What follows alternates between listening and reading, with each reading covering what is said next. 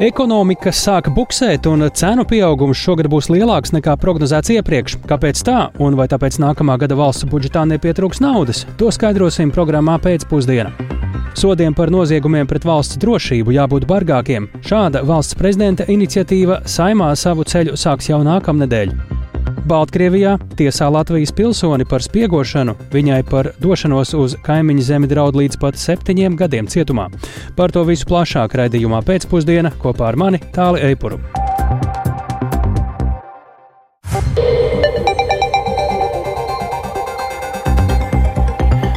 Pūkstens ir 16,5 minūtes, skan piekdienas pēcpusdienas ziņu programma, skaidrojot šodienas svarīgus notikumus. Studijā tālāk Eipurs. Labdien! Latvijas Banka ir palielinājusi inflācijas prognozi šim gadam līdz 9%. Iepriekš banka gada vidējo inflāciju bija prognozējusi 8,5% apmērā. Savukārt gada vidējās inflācijas prognoze nākamajam gadam ir samazināta no jūnijā prognozētiem 2,4% līdz 2,3%.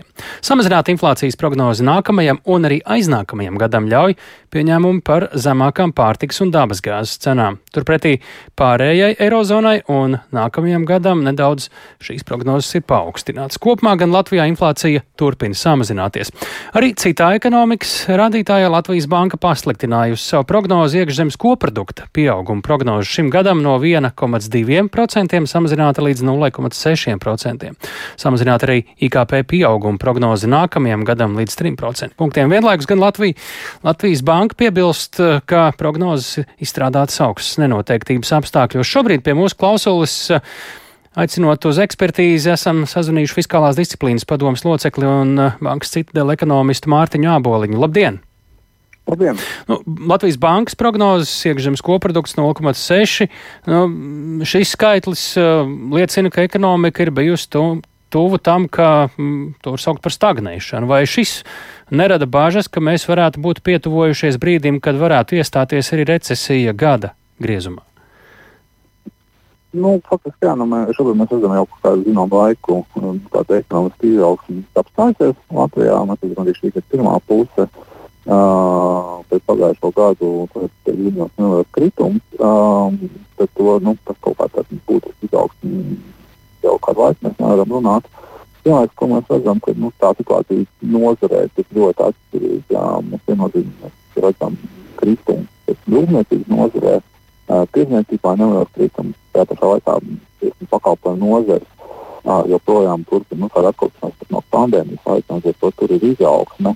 Un tā, nu, ap nulli vai neliels plusiņš, ko mēs redzam ekonomikā kopumā, nu, tā, tā vidējā temperatūra ekonomikā, bet tā, tā, tā sajūta katrā nozarē ir stipri izaugsme, ir nozare ar lejupslīd, šobrīd ir nozare, kas aug.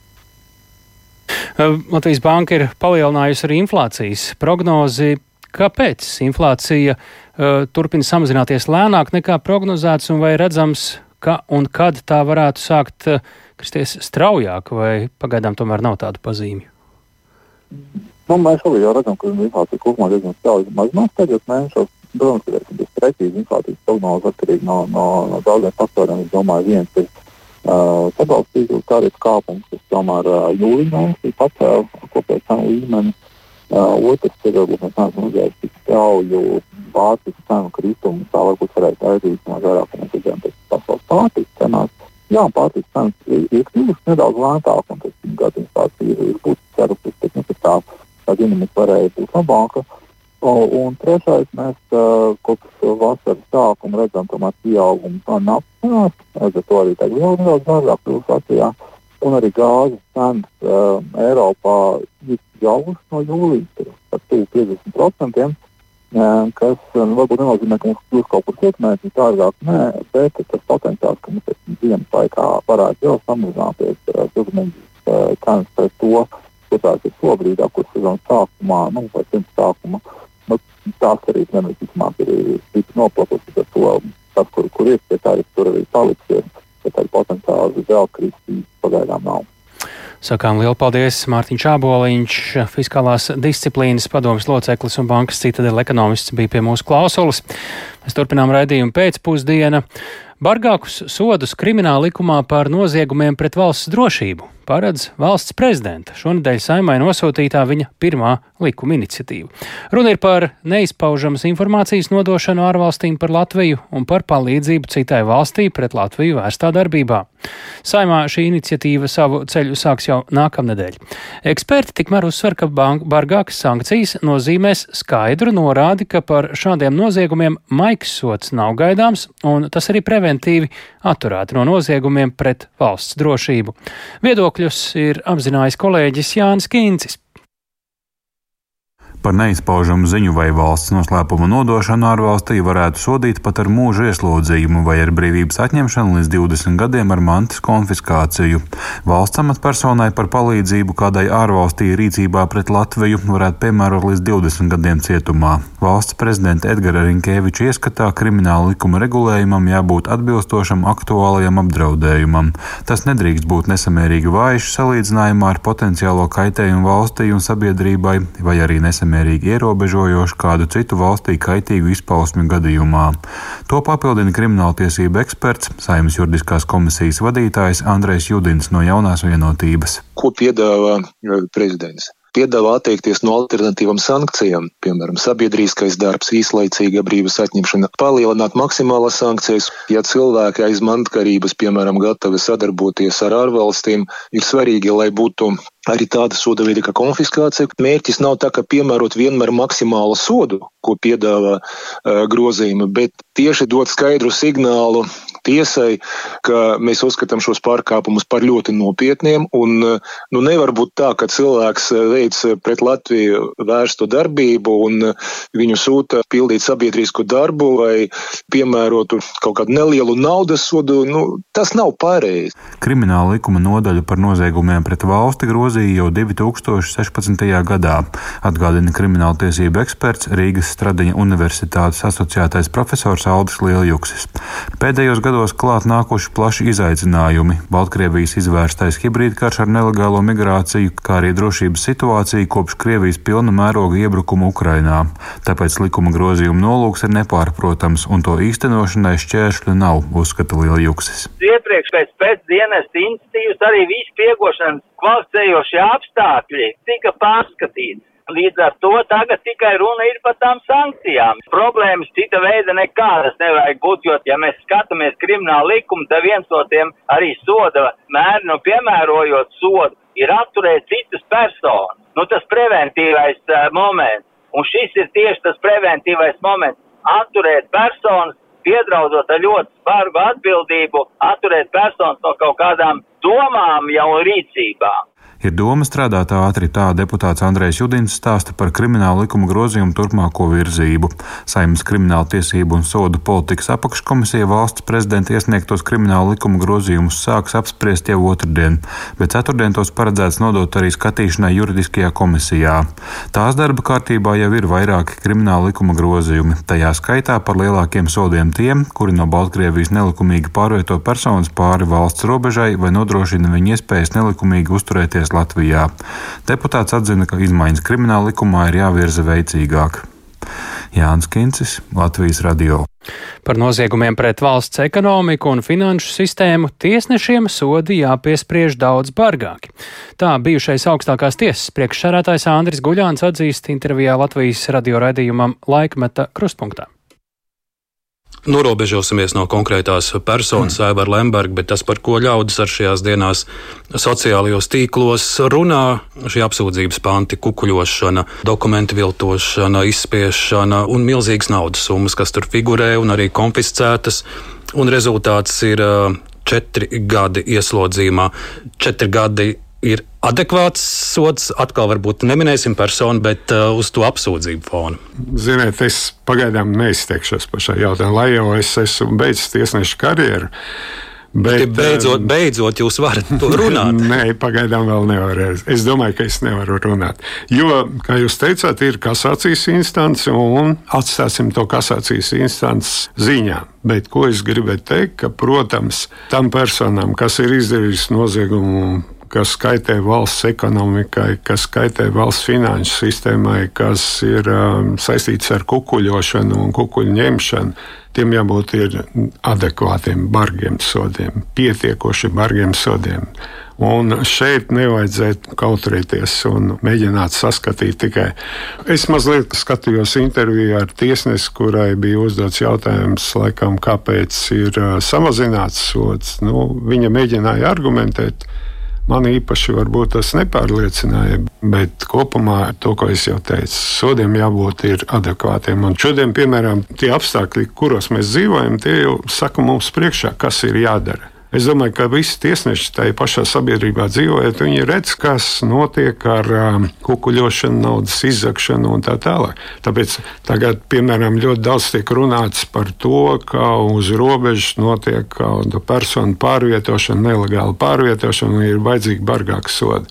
Es domāju, ka uh, tiesnešiem jau nevajag gaidīt, lai tās sankcijas kļūst bargāks, bet pašiem ir jābūt pietiekoši nu, spējīgam analizēt un saprast, ka viņš tiesnesis ir valsts amatpersona, kurai ir jādzīvo līdz tam laikam. Kur... Un gal galā tas, kas notiek uz robežas, tā arī mūsu drošība. Protams, nu, un arī šie sodi ir pamatot tiek prasīts, lai viņi kļūst bargāki. Jo citādi, acīm redzot, ir sabiedrības daļa, kuri nu, uzskata, ka tur nekas nebūs, nekāda liela soda nebūs, un tiesnesis uzskata, ka tur nevajag bargu sodu, tad, diemžēl, sekas ir tādas, kādas viņas ir.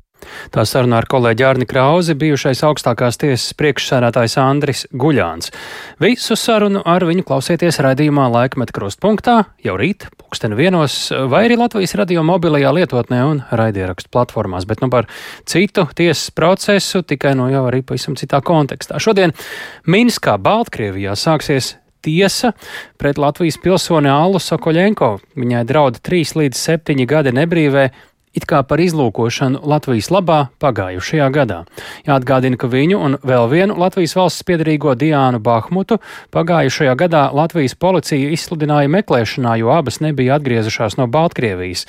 Un, uh, tur kopš pagājušā pavasara vienpusēji ir ieviests bezvīzu režīms ar Latviju, ļaujot uh, teorētiski Latvijas valsts piedarīgajiem ieceļot Baltkrievijā bez bīzes. Vēlāk izrādījās, ka vienai no abām uh, personām Diānai Bahmutai ir izdevies atgriezties Latvijā, bet šobrīd mēs esam sazinājušies ar Āju Mežalu biedrības Free Belarus brīvprātīgo. Labdien! Labdien! Ko tad īsumā, eh, kāds tad īsumā ir šo divu sieviešu stāsts? Mēs eh, pašu svarīgāko it kā vai, vai virspusi pieminējām, kāpēc eh, vienai šodien ir tiesa, otra ir Latvijā. Kā jūs saviem vārdiem cilvēkiem ļaut vairāk saprast? Um, Alu Sokoļenko uh, pēc uh, Baltkrievu cilvēktiesību aizsarg, aizsargu organizācijas uh, informācijas absolūts tajā, ka viņa ir it kā gatavojusies Baltkrievijas militāru personu verbēšanai. Tur vākusi kompromitējuši materiālus un tam līdzīgi. Um, un, jā, kā jūs teicāt, viņai ir šobrīd uzsākts krimināla process pret viņu.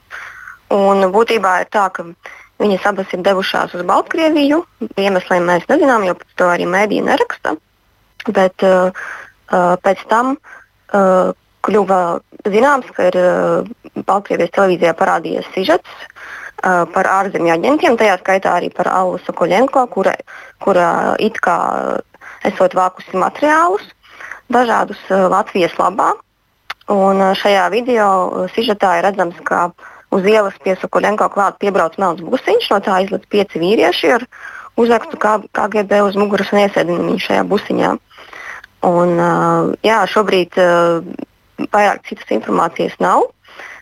Bet mēs esam sazinājušies arī ar Vjasnu, kas ir šī Baltkrievu cilvēktiesība aizstāvja organizācija. Viņi sacīja, ka uh, viņiem vienīgais, kas ir zināms, ka sēde ir šobrīd uh, sākusies not, notikusi desmitos no rīta. Uh, Bet tā kā tā ir slēgta, kā jau ļoti daudz no uh, sēdēm, kas ir uh, vai nu politiski motivētas, vai vienkārši safabricētas, uh, tad viņiem arī nav vairāk informācijas uh, nekā, teiksim, ārlietu ministrijai.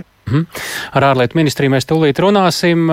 Ja vēlties sekot līdzi aktualitātēm, ne tikai šai aktualitātei Baltkrievijā, tad sekojiet organizācijai biedrībai Free Belarus, kas nodarbojas ar atbalstu arī, tā skaitā, Baltkrievijas opozicionāriem. Paldies jums par šo informāciju. Tieši no jums mēs arī uzzinājām par šo tiesas procesu. Aija Mežala biedrības Free Belarus brīvprātīgā bija pie mūsu klausulas.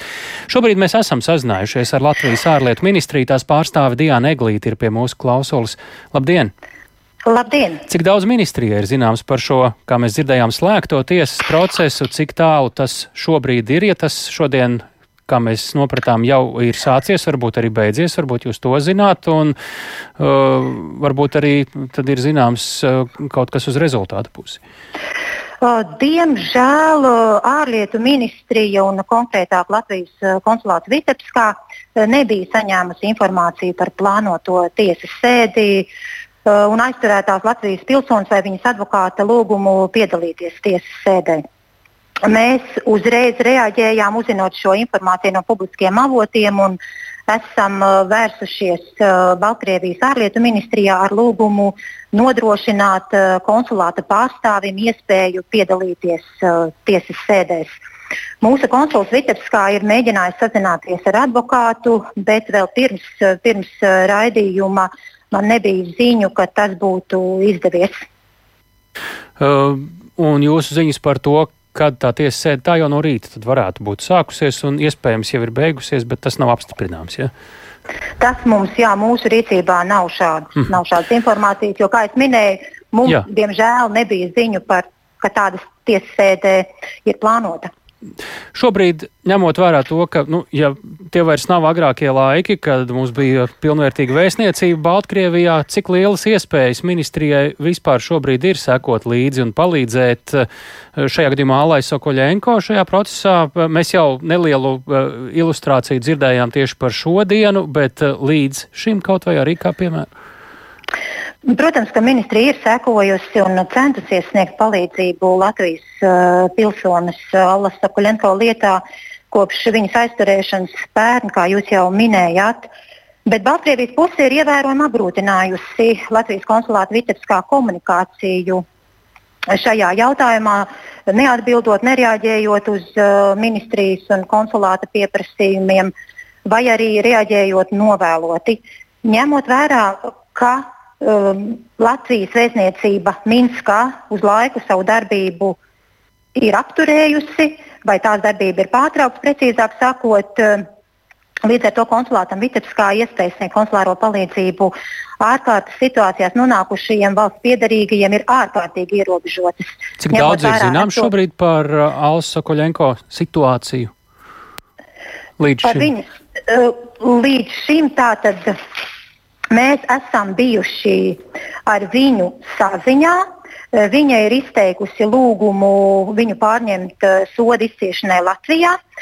Eh, diemžēl šajā situācijā mm, mēs esam skaidrojuši, ka ir nepieciešams tam, lai tas notiktu, ir nepieciešami vairāki nosacījumi. Tātad lietā ir jābūt galīgam tiesas nolēmumam, kas nav vēl, jo ir tikai krimināla process. Eh, un otrkārt, eh, personas pārņemšanai soda izciešanai Latvijā ir jāpiekrīt visām trim pusēm. Tātad Allai, eh, valstī, kurā persona izcieš sodu, kā arī personas pilsonības valstī.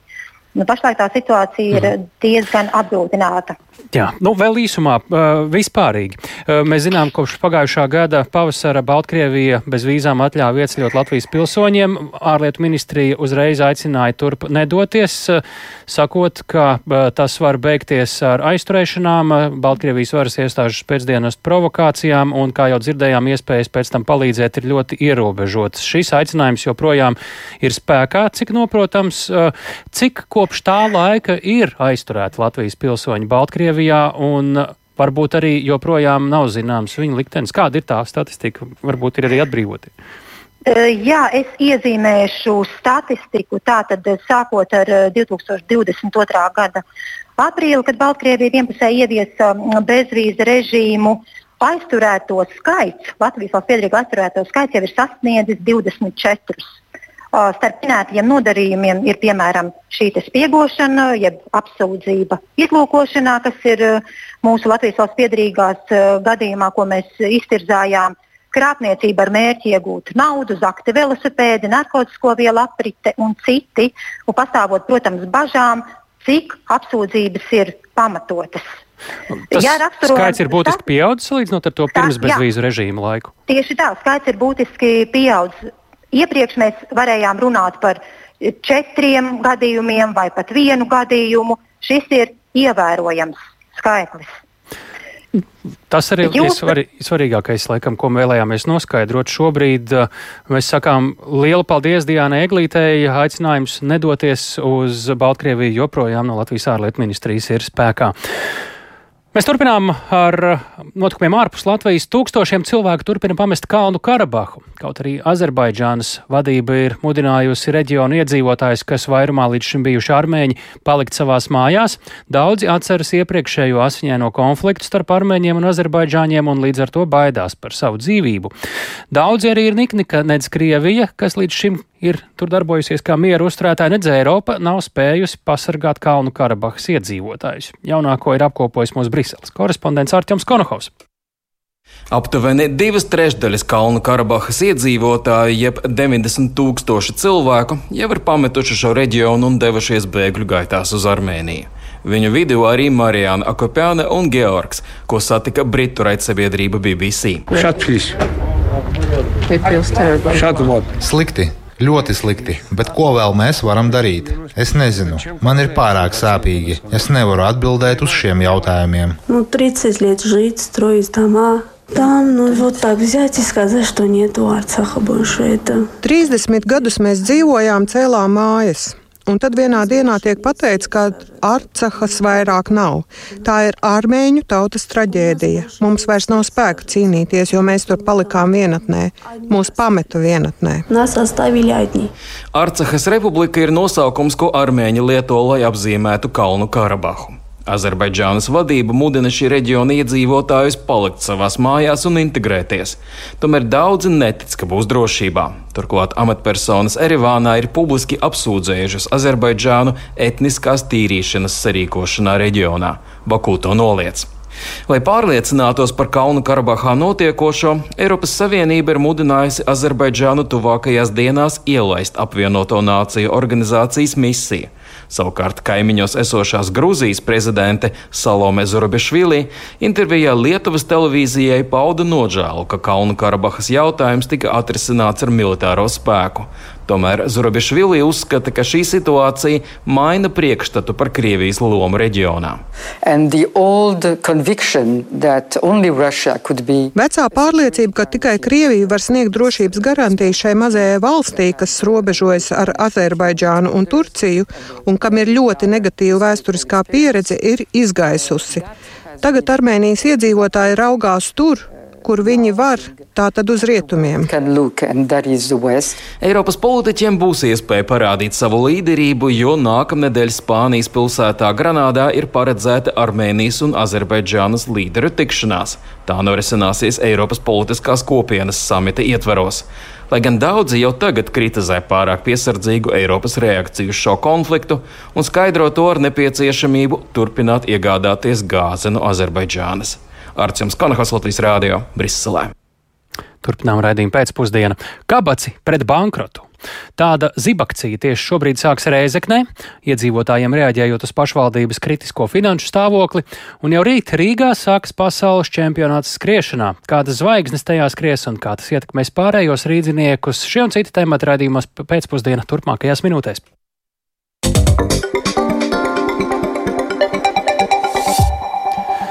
Dzelzceļa pieturu rumbula un dārziņi par spīti iedzīvotāju lūgumam šogad tomēr slēgs. Tā šodien nolēmusi sabiedriskā transporta padome. Līdz ar to nav mainījies plāns šogad slēgt sešas pieturas. Taču nākotnē rumbulas un dārziņu pieturas varētu arī atjaunot. Vairāk Viktora Demidova ierakstā. Tuvāko mēnešu laikā vilciens pārstās pieturēt Jāgavas līnijas pieturā cena. Tukuma līnijā pasažieriem vairs nebūs pieejama kūdra, inčupe, skultas līnijā, savukārt aizkrauklas līnijā slēgs pat trīs pieturas - kaibolu, dārziņus un rumbulu. Iemesls - ļoti maz pasažieru izmanto šīs pieturas, tā secina autotransporta direkcijā. Par rumbulas un dārziņu pieturu saglabāšanu iedzīvotāji ir vērsušies pie valsts. Par to šodien diskutēja sabiedriskā transporta transporta padomes sēdē. Autotransporta direkcijas vadītājs Artūrs Caune secina, ka pietura dārzeņi ierīkota līkumā, tāpēc pasažieriem tā nav droša. Dārzeņu pieturas punktu pabīdīt uz Rīgas pusi, kaut kādā apmēram 500-600 metru izcelt ārā no līknes, tad tur ir gan labāka piekļuve, tad tas pieprasījums arī rastos normāls. Jo šobrīd ne no vienas, ne no otras puses īsti nevar piekļūt. Ja. Mainīt staciju atrašanās vietu apgrūtina arī fakts, ka dārziņa un rumbula katra atrodas citā citā pašvaldībā - Dārziņa salaspils novadā, bet Rumbula robežu. Turklāt abas pieturas robežojas ar Rīgu, tāpēc sadarbība ir jāmeklē visiem kopā, tā uzskata direkcijā. Slēdzot minētās pieturas, pasažieri nevarēs nokļūt savā darba vietā, tā norādīja Rīgas plānošanas reģiona pārstāve Ligita Holante, kā piemēru minot kādu rūpnīcu. Ļoti daudz strādāja no lielvārdas, no ogles kad mēs samazinājām tieši tos reizu skaitu, es atceros, ļoti liels diskusijas un 19. gadā vai kad, tad jau pazuda Daudz aizgāja tieši darbinieki prom. Tagad viņiem vajadzīgs ir atnākt skatīties, nē, mums ir tik sarežģīti pie jums piekļūt. Arī ar visiem pieturām uz Maskavas ielu, jo pāriet pār, kur betona bluti pa vidu ir kā vai pāriet. Savukārt autotransporta direkcijas ideja pieturas pārcelt Olantei pārliecību nerada. Tad tiekam skaidrībā, kad, ko, kas attīstās, būs tur attīstīti, nebūs attīstīti. Iedzīvotājiem tas ir skaidrs. Vienkārši jautājums jau ir par tuvāko gadu. Skaidrs ir viens, ka ne nākamā gada, ne aiznākamā gada kur potenciāls pasažieru plosmām. Kāpēc tā? Kāpēc ir tāds apgalvojums, piemēram, uz tā pamata? Taču skaidrs atbildes, kad rumbulas un dārziņu pieturas varētu pārvietot, nav. Ja tas virziens kopējais paliek tāds, nu, ka uz slēgšanu ir jāvirzās, bet nodrošinot nu, tādas uh, saprātīgas un piemērotas alternatīvas. Ja ir, ja, ja, nav, ir. ja ir. Ja nav, ja nav, tad vienalga ir jārod iespējas viņas izveidot. Sēdē sprieda arī par pieturas jaungulbeni atjaunošanu. Nolemts, ka tādai ir jābūt, taču vispirms stacija ir jāsakārto un pasažieriem jāpielāgo. Kad to izdarīs, pagaidām nav zināms. Viktors Demidovs, Latvijas radio. No rumbulas un dārziņiem pie dārzeņiem. Kabaci pret bankrotu. Tāda zibakcija šobrīd sākas Reizeknē, iedzīvotājiem reaģējot uz pašvaldības kritisko finanšu stāvokli. Reizeknieši, atnesot rudens veltes tieši pie domes, aicināti ironiskā veidā paust savu nostāju. Pasākuma aprakstā norādīts, ka pilsētnieki vēlas tapt sadzirdēti laikā, kad esošā dome pašvaldības makā radījusi pamatīgu caurumu. Reizeknas pilsēta atgādinām šobrīd pieredz dziļas finanšu grūtības un prognozēts, ka šogad te 4 miljonu budžeta iztrūkums varētu būt pašvaldības budžetā. Mēs esam sazinājušies ar aktīvistu Ingu Zelteņu Reizeknē. Labdien! Labdien! Kas jūs esat akcijas rīkotāji? Tātad, kas mēs esam? Mēs esam pilsētnieki, reizeknieki, dažādi cilvēki, dažādu profesiju pārstāvji. Es personīgi esmu Reizekne, Reizekne ir mana dzimtā pilsēta, bet esmu 13 gadus nodzīvojusi ārzemēs. Atgriezusies Reizeknē un tieši ar mērķi te palikt, veidot ģimeni. Tāpēc man Reizekne rūp. Mēs īsi ieskicējām to akcijas mērķi. Ceru, ka pietiekami korekti, bet pasakiet lūdzu saviem reizekniešu vārdiem, kāpēc jūs rosāties tieši šobrīd un ko ar savu šī brīža akciju jūs sagaidāt no pašvaldības. Mēs rosāmies, jo nejūtamies sadzirdēti, kā jūs arī teicāt, jau kopš augusta laikam sākuma izskan, ka Rezeknes domē ir grūtības un ka šis maks tiešām ir caurs, taču mēs joprojām neredzam, nu jau septembra beigās, ka kāds atklāti, skaidri saprotami ar mums par to komunicētu un stāstītu viedokļus, izskaidrotu cēloņus. Un, un tā kā ņem to arī mūsu vērā, mēs esam arī pirms tam snieguši iesniegumu, lūguši skaidrot um, šos notikumus, cēloņus un, un potenciālās sekas un, un iespēju uz, uz reizekniešu kā, ikdienu, bet, bet pretī saņemam taisnošanos un valsts vainošanu un, uh, un tā tādu nu, totālu atbildības vakumu. Mm -hmm. nu, tādēļ mēs. Jā, tādēļ, tādēļ jūs šodien mēs... aicināt kabačus un citus rudens vēlsnes. Jā, tādā, jā tādā Miķeļdienas uh, tradīcijā tātad šīs ziedošana akcija, zied, ziedošanas akcija ir arī Miķeļdienas tradīciju ietvarot. Uh, akcijai pirms es skatos, nu jau, 30, nu, nu jau 3 minūtēm un 45 sekundēm būtu bijis jāsākas. Kas tur šobrīd uz vietas notiek, ko jūs redzat? Šobrīd vēl pirms maza mirklīša bija aptuveni 15, bet tagad es tā, nu, teiksim, ar skatu saskaitot varētu būt jau 30 cilvēki. Cilvēki nāk, liek savu kabaci, klausās uzrunu pirmo. Ir arī mēra kungs ieradies. Viņš, manuprāt, sniedz kādam interviju, jo viņu filmē kāds no telefona. Un, jā, cilvēki līdz šim mēs arī apjautājām radus draugus kaimiņus. Nu, ne visi labprāt piesakās nākt, jo cilvēki tomēr arī baidās. Ļoti daudz strādā ar domu saistītās struktūrās. Mm. Bet nu, daži ir gana drosmīgi tomēr un atnāk, un tas mūs ļoti iepriecina. Jūs arī aicinājāt, un es saprotu, joprojām aicināt virtuālos kabačus publicēt sociālajos tīklos. Pa, divos Jā. vārdos, kā tas pareizi darāms un kāda jau ir reakcija? Jā, tātad tiem redzētājiem, kas vai nu studē Rīgā vai ārzemēs, mēs lūdzam atsūtīt digitāli savu vai nu bildi ar plakātu, vai nu īsu, īsu video ar savu novēlējumu Reizeknes budžetam un atsūtīt et, uz kabacis et Yahoo. Uh, Com, un tad mēs uh, to visu laidīsim sociālos tīklos kā akcijas digitālo komponenti. Mm. Tālāk, kas notiks? Un, nu, tad, attiecīgi, komunicēsim ar tiem, kas, kas uh, ir gatavi turpināt uzdot jautājumus, nebaidīties no jautājumiem. Uh, un redzēs, sekosim notiekošajam. Paldies par sarunu. Sarunājāmies ar aktīvistu Rēzakne Ingu Zeltiņu. Tur notiek akcija kabaci pret bankrotu iedzīvotājiem reaģējot uz pašvaldības kritisko finanšu stāvokli. Bet valsts auga aizsardzības dienests aicina ceļotājus Latvijā no ārzemēm neievest tā sauktos zaļos suvenīrus, jeb augus, jo tajos var būt bīstamas augu karantīnas slimības. Lai palielinātu iedzīvotāju informētību, īpaša augu veselības kampaņa Atgādina nevest mājās eksotisku auglu sēk, augu sēkas vai to augļus, tāpat nedz klātienē, nedz tiešsaistē nepirkt augus bez pasēm. Plašāk par to, kas ir šīs augu slimības un kā izvairīties no izplatīšanas riskiem, eh, Sintīs Ambots reportāžā no Nacionālās fitosanitārās laboratorijas. Kartupeļu vēzis Mums ir tāds um, paraudziņš, uh, kā izskatās, kad šeit ir kartupeļu bumbulis un viņam izveidojušies vēžveidīgi veidojumi. Nu, principā līdzīgs kā puķkāpos tādas galviņas. Un, un tas, ko mēs mikroskopā redzam, ir uh, šie sporangī, kas saglabājās augsnē. Valsts auga aizsardzības dienesta eksperte Mikoloģa Kristīna Pāruma laboratorijā rāda vienu no augu karantīnas slimībām, kuras nonākšana Latvijā radītu lielus zaudējumus vidē un tautsēmniecībai kopumā.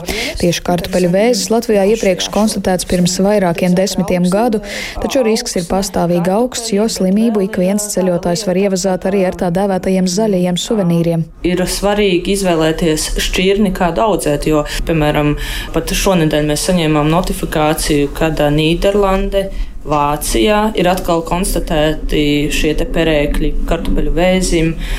Tas ir tāpēc, ka no senākiem laikiem šie sporangi ir saglabājušies augsnē. Tad dārziņu, piemēram, kartupeļu audzētāji stāda arī ieņēmīgas šķirnes, Jā. un šī slimība, kā teiksim, atkal sevi parāda. Ticamāk, Bet, ja kāds viņš... intereses pēc atved kaut kādu interesantu šķirni, un nav pārbaudījis vai certificēts tur saimniecību? Jā, visticamāk, ka tā arī realitātē var notikt.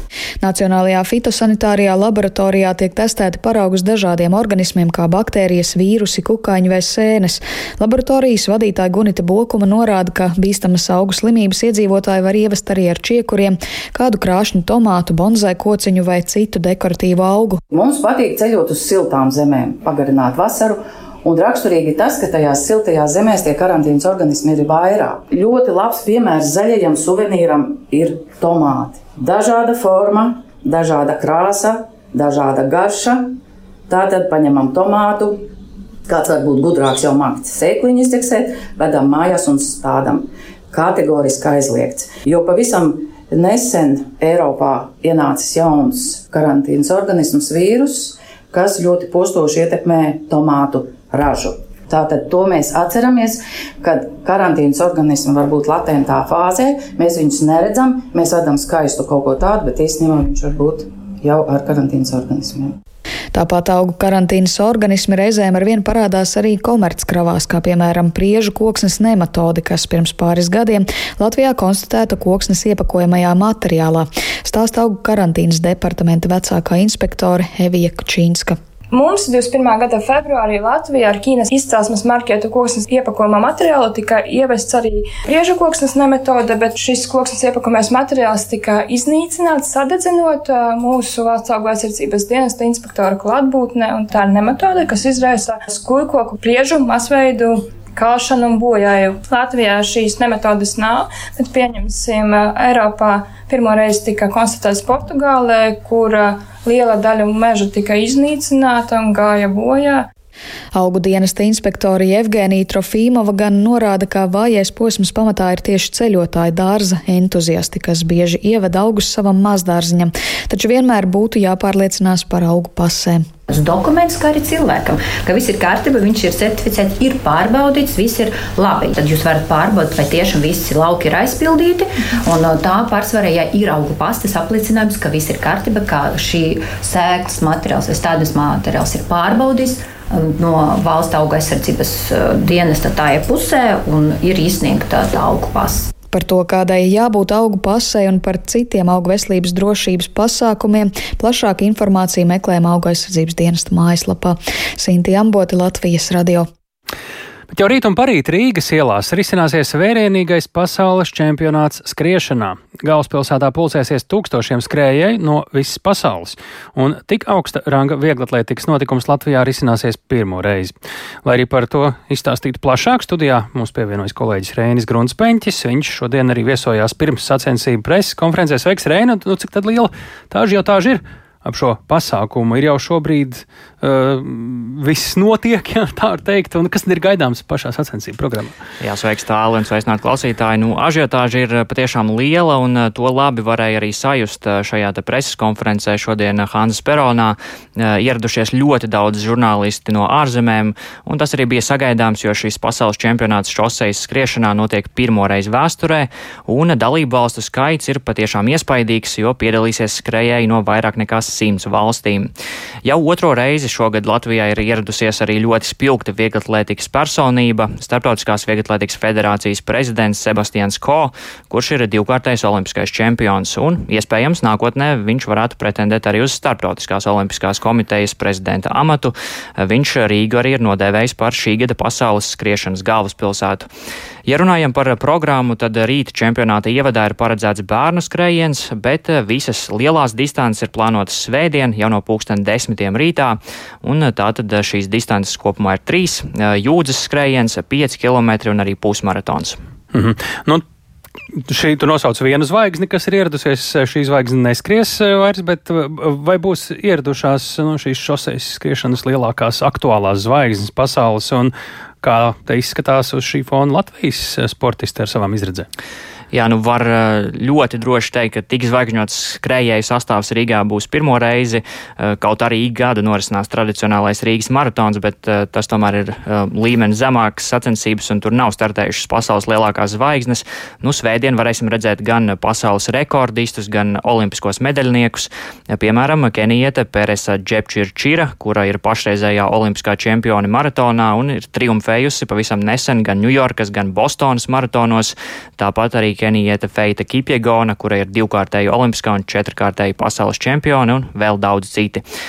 Ja skatāmies uz Latvijas izlasi, tad uh, Latvijas izlases sakarā, diemžēl, jāatzīst, ka sacensībās nepiedalīsies talantīga Agate Caune, uh, kura joprojām atlapst no savainojuma, uh, bet pārējie gan ir ierindā. Lielākās Latvijas cerības var saistīt ar Dmitriju Serjoginu, Ilonu Marheli un Agati Strausu, bet, nu, tik spēcīgā konkurencē noteikti, ka viegli neklāsies. Nu, man drusku galvas arēba no tām zvaigznēm un viņu tituliem, ko tu nu pat pieminēji, uh, lai izdodas saintervēt rīt, parīt, tad, kad šie sportisti startēs, bet ar kādiem satiksmes ierobežojumiem ir jārēķinās tiem, kuri neskries un kuri būs šajā laikā pilsētā? Jā, nu jau šovakar no pulksten astoņiem vakarā tiks slēgta satiksme 11. novembra, novembra krastmalas posmā no Akmens tilta līdz Muitas ielai. Tāpat svētdiena satiksme būs ierobežota vai slēgta uz tiltiem pār Daugavu un lielā daļā Rīgas centrā, bet pilns ierobežojums ir iespējams atrast Rīgas domas mājaslapā rīga.lv. Tāpat arī sociālajos tīklos bija izteiktas bažas par remontdarbiem, kas šobrīd norisinās Slokas ielā, kur ir paredzēts trases maršruts posms eh, no šī maršruta, bet eh, nu, sacensību organizators Aigars Norts norāda, ka līdz sacensību sākumam viss tiks laicīgi savests kārtībā. Mums ir vienošanās ar Rīgas pilsētu, ar Rīgas satiksmi, ar būvniekiem par to, ka tāda trases posms sloks ielā tiks nolasvalstās līdz šim vakaram. Tā tam vajadzētu arī būt. Un, es ceru, ka skrēja varēs uz pilnīgi svaiga uzlieta trases posmu, arī noskriet visu sloku savus posmus. Bet kopumā jāsaka, ka Pasaules Veselības Savienībai ļoti patīk mūsu trase. Ne tikai pusmaratona trase, bet arī jūdze un 5 km jūdze, kas man pašam ir īpaši mīļi ar to, ka viņi beidzās teiksim, brīvības pieminiektu pakājā. Jā, bet nu, es ceru, ka visus darbus pabeigsim laikā, lai viss notiktos tieši tā, kā plānots. Jā, tālāk pasaules čempionāta skriešanā organizators Aigars, Nor Aigars Norts, bet par skriešanas čempionātu man tas arī viss. Tāli. Klausāmies eh, Latvijas radio ziņas, tur arī jaunākie Visi stāsti no šī čempionāta. Sakām paldies Rēnim Grunspeņķim. Un ziņu raidījumu pēcpusdienā uh, veidoja Tāls Eipors, Aiga Pelēne, arī Renārs Šteimanis un Mārtiņš Paeglis. Ja vēlties šo raidījumu klausīties uh, vēlreiz vai svērtā laikā vai kādam ieteikt, ņemiet Latvijas radio mobilo lietotni vai raidierakstu platformas. Yeah.